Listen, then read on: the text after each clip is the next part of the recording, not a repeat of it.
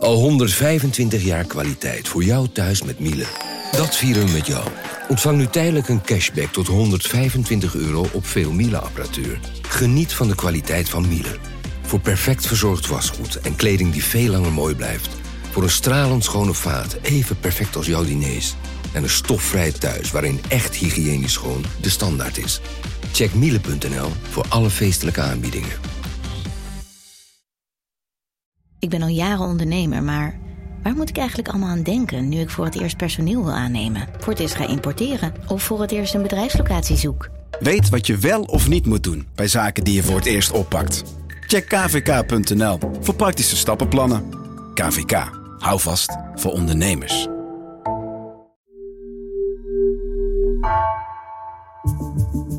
Vanaf de redactie van NRC het verhaal van vandaag. Mijn naam is Floor Boon.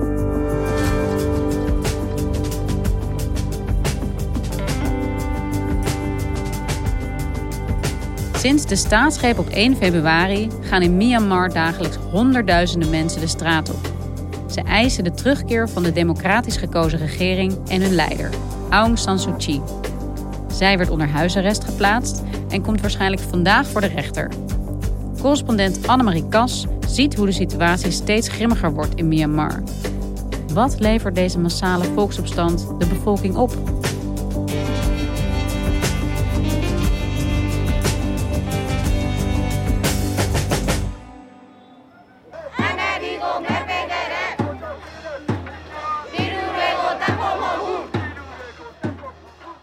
Sinds 1 februari gaan in Myanmar in tientallen steden verspreid over het land uh, honderdduizenden inwoners de straat op uit protest tegen de staatsgreep van het leger.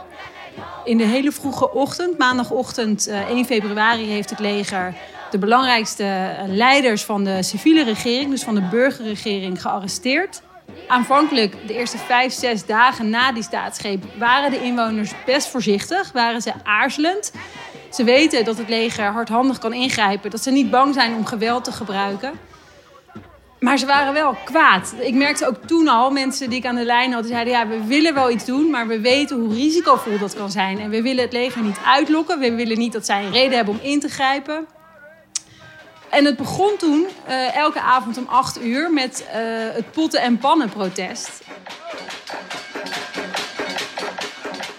Elke avond maakten mensen geluid met alles wat los en vast zat. Op potten en pannen slaan, maar ook op lantaarnpaals, op, op vuilnisbakken.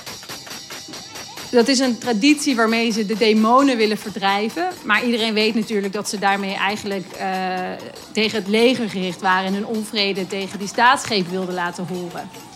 En wie gaan er allemaal de straat op? Wat voor mensen zijn dat? Dat zijn echt mensen uit uh, alle lagen van de bevolking. Dus van allerlei pluimage. Daardoor heeft het soms ook iets van een festival. Als je die beelden ziet van het verzet, dan uh, er gaan meisjes in prinsessenjurken de straat op, maar ook drag queens en LHBT'ers, uh, leraren, artsen. Uit alle lagen en hoeken van de samenleving gaan mensen in verzet. En dat maakt deze staatsgreep ook in die zin bijzonder, omdat het al die verschillende groepen in het land uh, verenigt. Ook ambtenaren. Er zijn zelfs in sommige districten politieagenten geweest die uh, zijn overgelopen naar de kant van de inwoners. En ja, dat laat wel zien hoe impopulair deze stap is geweest van het leger. Hey en Annemarie, voordat we even de, verder gaan over wat zich hier afspeelt in een land dat voor ons toch heel erg ver weg is. Myanmar, wat is dat voor een land? Het is een oude Britse kolonie. Begin 1948 is de onafhankelijkheid uitgeroepen daar. Het is een heel divers land. Er zijn heel veel uh, verschillende etnische groeperingen of etnische minderheden geregistreerd. De Burmeese bevolking is er in de, meerderheid. Terwijl tegelijkertijd er zoveel uh, etnische groeperingen zijn die uh, eigenlijk van begin af aan ja, zich als tweederangs burger hebben behandeld gevoeld. En van begin af aan eigenlijk meer rechten wilden in, in die staat. En door die onrust um, heeft het leger in 1962 een staatsgreep gepleegd. En sindsdien heeft het land tientallen jaren onder militaire leiding gestaan. En hoe zag dat eruit? Was, voor, was het een militaire dictatuur? Ja, mensen kenden eigenlijk geen vrijheid van meningsuiting. westerse instellingen, NGO's of, of bedrijven, waren niet toegestaan. Eigenlijk leefden zij in een heel geïsoleerd, angstig land, omdat mensen niet durfden voor een mening uit te komen. Je wist niet wanneer je gearresteerd kon worden. Ehm, een afgesloten leven van, van de internationale gemeenschap eigenlijk. En wanneer is dat veranderd? Is daar een kantelpunt geweest? Ja, daar in 2011, uh, eh, eigenlijk tegelijk met de landen uh, die toen in de Arabische lente zaten. Uh, in die tijd eh, nam ook de internationale druk op Myanmar wel toe. In de regio zag je ook hier in Zuidoost-Azië dat andere landen zich heel snel ontwikkelden. Dat de economische groei heel hard ging. En Myanmar bleef daar eigenlijk bij achter.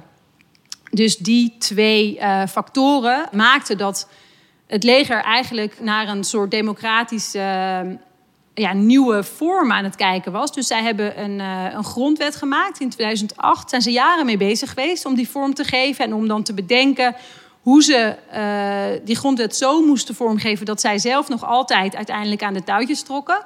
En de eerste verkiezingen uh, waren in 2010, dus twee jaar nadat die grondwet uh, is ingegaan. En in 2015 heeft toen de partij van Aung San Suu Kyi wel meegedaan aan de verkiezingen. En ja, dat resulteerde in een gigantische overwinning. Zij haalde overduidelijk de grote meerderheid van de stemmen binnen. Aung San Suu Kyi and the people of Myanmar have waited 25 years since the last free election in their country to get to this point today. And the NLD, the National League for Democracy, her party, has won that crucial majority to take the government uh, and uh, to lead the country that she's been waiting for for decades. Dus toen was de, de echte, officiële, eerste democratische eh, gekozen burgerregering eigenlijk een feit. Aung San Suu Kyi noemt die naam al een paar keer. Het is een naam die, uh, denk ik, het meest bekend is als we het hebben over Myanmar. Wie is zij? Ja, zij is de dochter van uh, Aung San. En dat is echt een held in het land. En ja, zij als dochter van degene die hun onafhankelijkheid heeft gebracht, is dat bijna automatisch natuurlijk ook. En ja, alles wat zij bijna deed was vastzitten. Ze, ze stond onder huisarrest. Het leger had haar toen ook al onder huisarrest, net als nu eigenlijk. Ze heeft uh, ongeveer 15 jaar uh, vastgezeten, maar uh, in die tijd koppig blijven strijden voor uh, onafhankelijke uh, verkiezingen en, en een, een, kleinere rol van het leger en dus democratisering van het land. Daar kennen de meeste mensen haar ook van, denk ik, omdat ze in die jaren uh, ook de Nobelprijs voor de Vrede heeft gewonnen in 1991. Zij was het gezicht van democratisering in Myanmar. En al helemaal natuurlijk toen ze ook nog eens een keer echt regeringsleider kon worden in, in 2016. Ja, want hoe is dat gegaan? Er waren voor het eerst min of meer democratische verkiezingen. Haar partij won, zij kwam aan de macht. Um, wat kon zij doen? Is ook echt verandering gekomen waar iedereen op dat moment zo ontzettend naar uitkeek?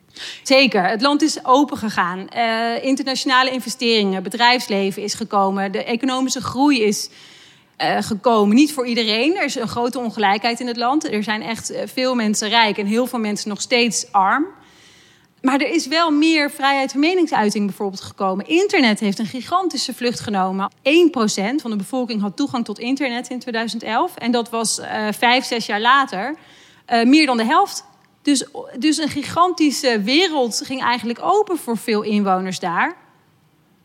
Maar het leger heeft altijd gezorgd dat zij uiteindelijk uh, de voor hun relevante posten in handen heeft gehouden waar zij dat willen. Ze hebben bijvoorbeeld veto-recht uh, praktisch in het parlement. Ze hebben vast uh, standaard 25% van de zetels in handen. Dus het leger gaf nooit echt veel meer weg dan wat zij dachten dat goed zou zijn. En waarom dan nu toch weer deze militaire coup als ze achter de schermen altijd aan de touwtjes zijn blijven trekken? In november vorig jaar uh, waren er opnieuw verkiezingen. De eerste termijn van de NLD zat erop. En Eigenlijk had iedereen verwacht dat zij minder zouden winnen dan, uh, dan in 2015. Maar zij wonnen juist meer dan in 2015. Ze wonnen zelfs uh, 83% van de stemmen. Myanmar's governing National League for Democracy Party, led by Aung San Suu Kyi, has claimed another landslide victory in general elections. Official results are yet to be released, but the NLD says it's confident it has won enough seats to be able to form a new government. En uh, dat was echt tegen de verwachting uh, van velen in, maar waarschijnlijk ook tegen de verwachting van uh, de legertop. En, en eigenlijk daags na die verkiezingen al begon die partij, de USDP, waar het leger aan verbonden is, begon meteen over verkiezingsfraude. Internationale waarnemers en ook de, de landelijke verkiezingscommissie van het land zelf zegt, nou, er zijn fouten gemaakt, er hebben mensen niet kunnen stemmen, maar de uitslag staat vast.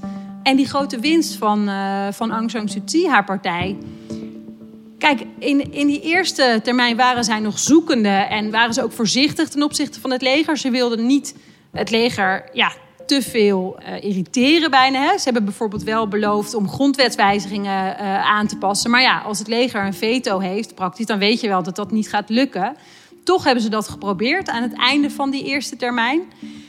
En met deze grote winst op zak kun je je voorstellen dat de NLD zich gelegitimeerd zou voelen om te pushen voor democratisering. Want ja, zij zijn de gerechtvaardigden om dat te doen. Hè. Zij hebben de legitimatie van het volk eigenlijk. Maar ja, dat is dus bruut afgekapt uh, door het leger. Die mix aan factoren zal ervoor gezorgd hebben dat zij nu uh, gedacht hebben van ja, tot hier en niet verder. Uh, wij willen die macht terug. Dus dat machtige leger dat decennia lang aan de macht is geweest in Myanmar, even de teugels heeft laten vieren en nu eigenlijk weer helemaal uh, terug is waar ze al die jaren waren, namelijk in het centrum van de macht. Wat is hun positie en wie zijn hun leiders? Ja, de hoogste legerbaas is Min Aung Hlaing. Hij is uh, sinds 2011 uh, de hoogste leider. En eigenlijk van begin af aan heeft hij ook geweld uh, absoluut niet geschuwd. Hij heeft in uh, 2011, 2012 uh, gewelddadigheden uitgehaald tegen de, of laten uithalen tegen de Rohingya-moslims. Nou, daar kwam later uh, het grote geweld in de zomer van 2017 nog overheen. Ja, want die Rohingya, Annemarie, dat is uh, een kwestie die de laatste jaren heel veel in het nieuws is geweest. Dat extreme geweld tegen die bevolkingsgroep. Hoe staat het daar nu mee? Ja, voor hen is deze staatsgreep eigenlijk uh, heel slecht nieuws. De Rohingya-moslims uh, zijn een minderheid die wonen in het westen van Myanmar, deelstaat Rakhine. En het standpunt van uh, Min Aung Hlaing en, en, de legertop is eigenlijk altijd geweest dat de Rohingya niet thuis horen in, in Myanmar. Dat zij Bengalen zijn die ooit illegaal de grenzen overgestoken. Dus dat ze niet echt in Myanmar horen. Zij hebben ook geen burgerrechten. Zij worden niet erkend als een etnische minderheid. En ja, die gewelddadigheden tegen de Rohingya, die spelen al jaren af en aan. De grootste golf van geweld was in de zomer van 2017. 700,000 uh, Rohingya displaced from their homes, uh, 10,000 people possibly dead, thousands of Rohingya women and girls raped, sexually assaulted, around 300 Rohingya villages burned to the ground. Uh, ja, voor hen is het echt uh, heel zorgwekkend. En er is nu een grote roep om de terugkeer van Aung San Suu Kyi, die net in huisarrest is geplaatst. Maar ook zij is de afgelopen jaren behoorlijk in opspraak geraakt als het gaat over die Rohingya en het geweld daartegen, omdat ze het niet veroordeelde, als ik me niet vergis. Hoe zit dat dan precies? Nou, dat is vooral de internationale kritiek geweest eigenlijk. Nobelprijswinnares Suu Kyi krijgt veel kritiek omdat ze niet zo hebben gedaan tegen de gewelddadigheden in 2017 van het leger tegen de Rohingya-moslims. Ze stond erbij en ze keek ernaar. En, en ook al had zij dan niet de macht over uh, defensie of over het leger, uh, dan had ze er op zijn minst iets van kunnen zeggen. In het binnenland ligt dat echt wel anders. Veel uh, inwoners die waarderen haar ook omdat ze haar land is gaan verdedigen bij het Internationaal Gerechtshof in, uh, in Den Haag. Uh, dat was eind 2019. Myanmar's leader Aung San Suu Kyi has appeared at the International Court of Justice at The Hague. She did so to defend her country against genocide charges. Zij staat er toch maar mooi voor, voor ons en zij, zij durft die confrontatie aan. Um, zij heeft echt punten gescoord met het verdedigen van haar land. In her closing statement, Myanmar's leader Aung San Suu Kyi again didn't address the specific allegations, but called on the case to be thrown out. Myanmar requests the court to remove the case from its list. Heel veel andere opties of veel alternatieven uh, voor haar als leider en voor haar uh, partij, de National League for Democracy, zijn er niet in het land. Ik sprak de afgelopen dagen met jongeren uh, over de telefoon en vroeg ik van, goh, heb je op de NLD gestemd en, en wat vind je van haar? En zij zeggen, eigenlijk is de NLD onze, onze enige serieuze optie. Dus we vinden niet alles wat zij uh, gedaan hebben goed. En we vinden ook dat ze soms harder hadden kunnen optreden tegen het leger. Uh, maar als wij democratisering willen en als wij verder willen met ons land, dan, zijn, dan moeten we op hun stemmen.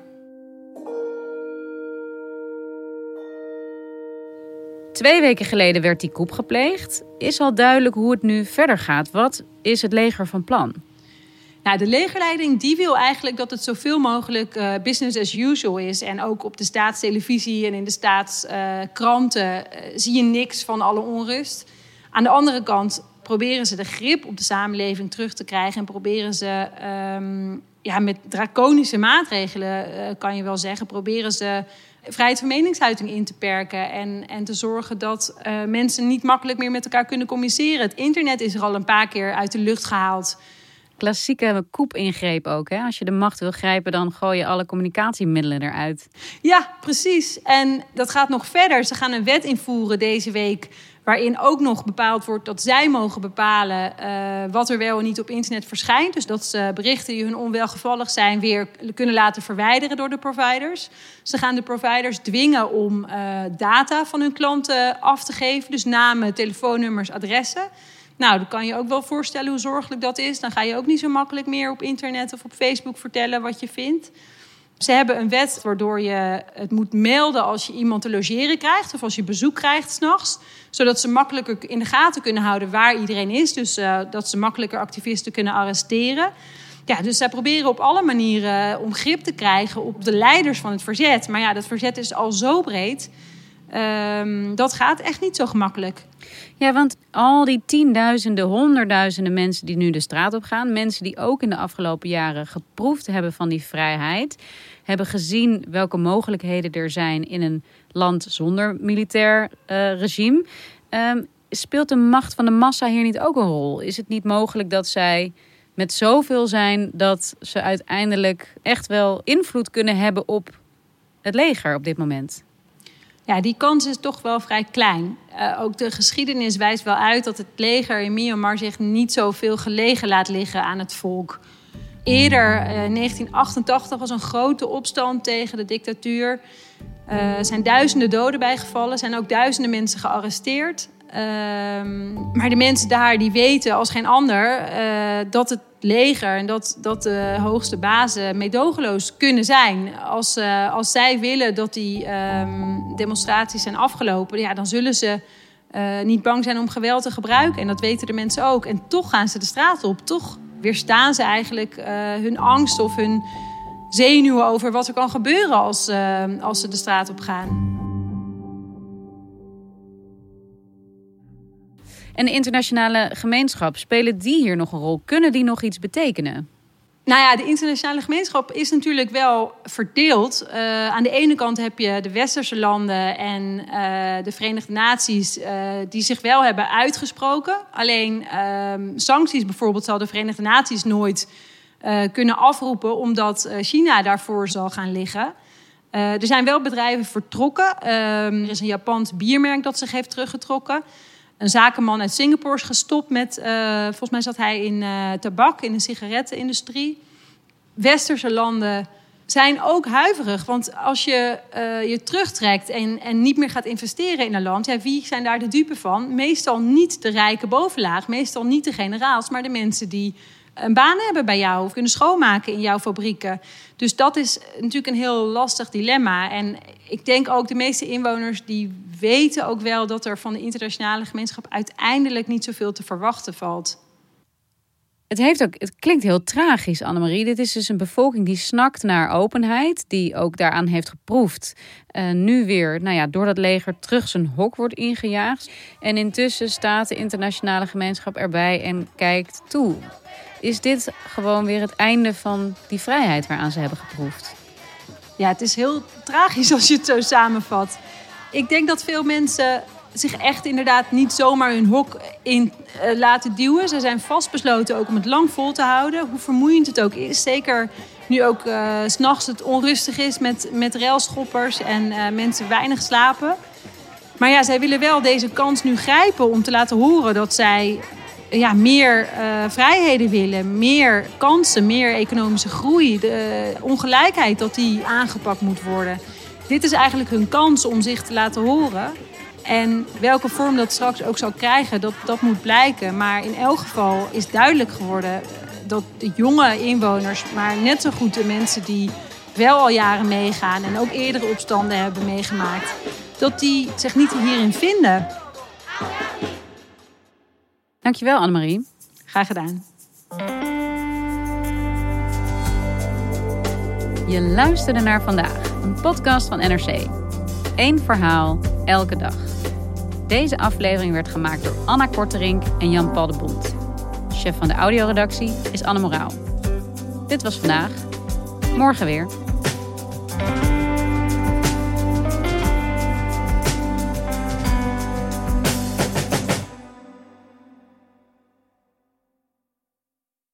Technologie lijkt tegenwoordig het antwoord op iedere uitdaging. Bij PwC zien we dit anders. Als we de potentie van technologie willen benutten, kunnen we niet zonder een menselijk perspectief. Human-led, tech-powered noemen we dat. Ga naar pwc.nl.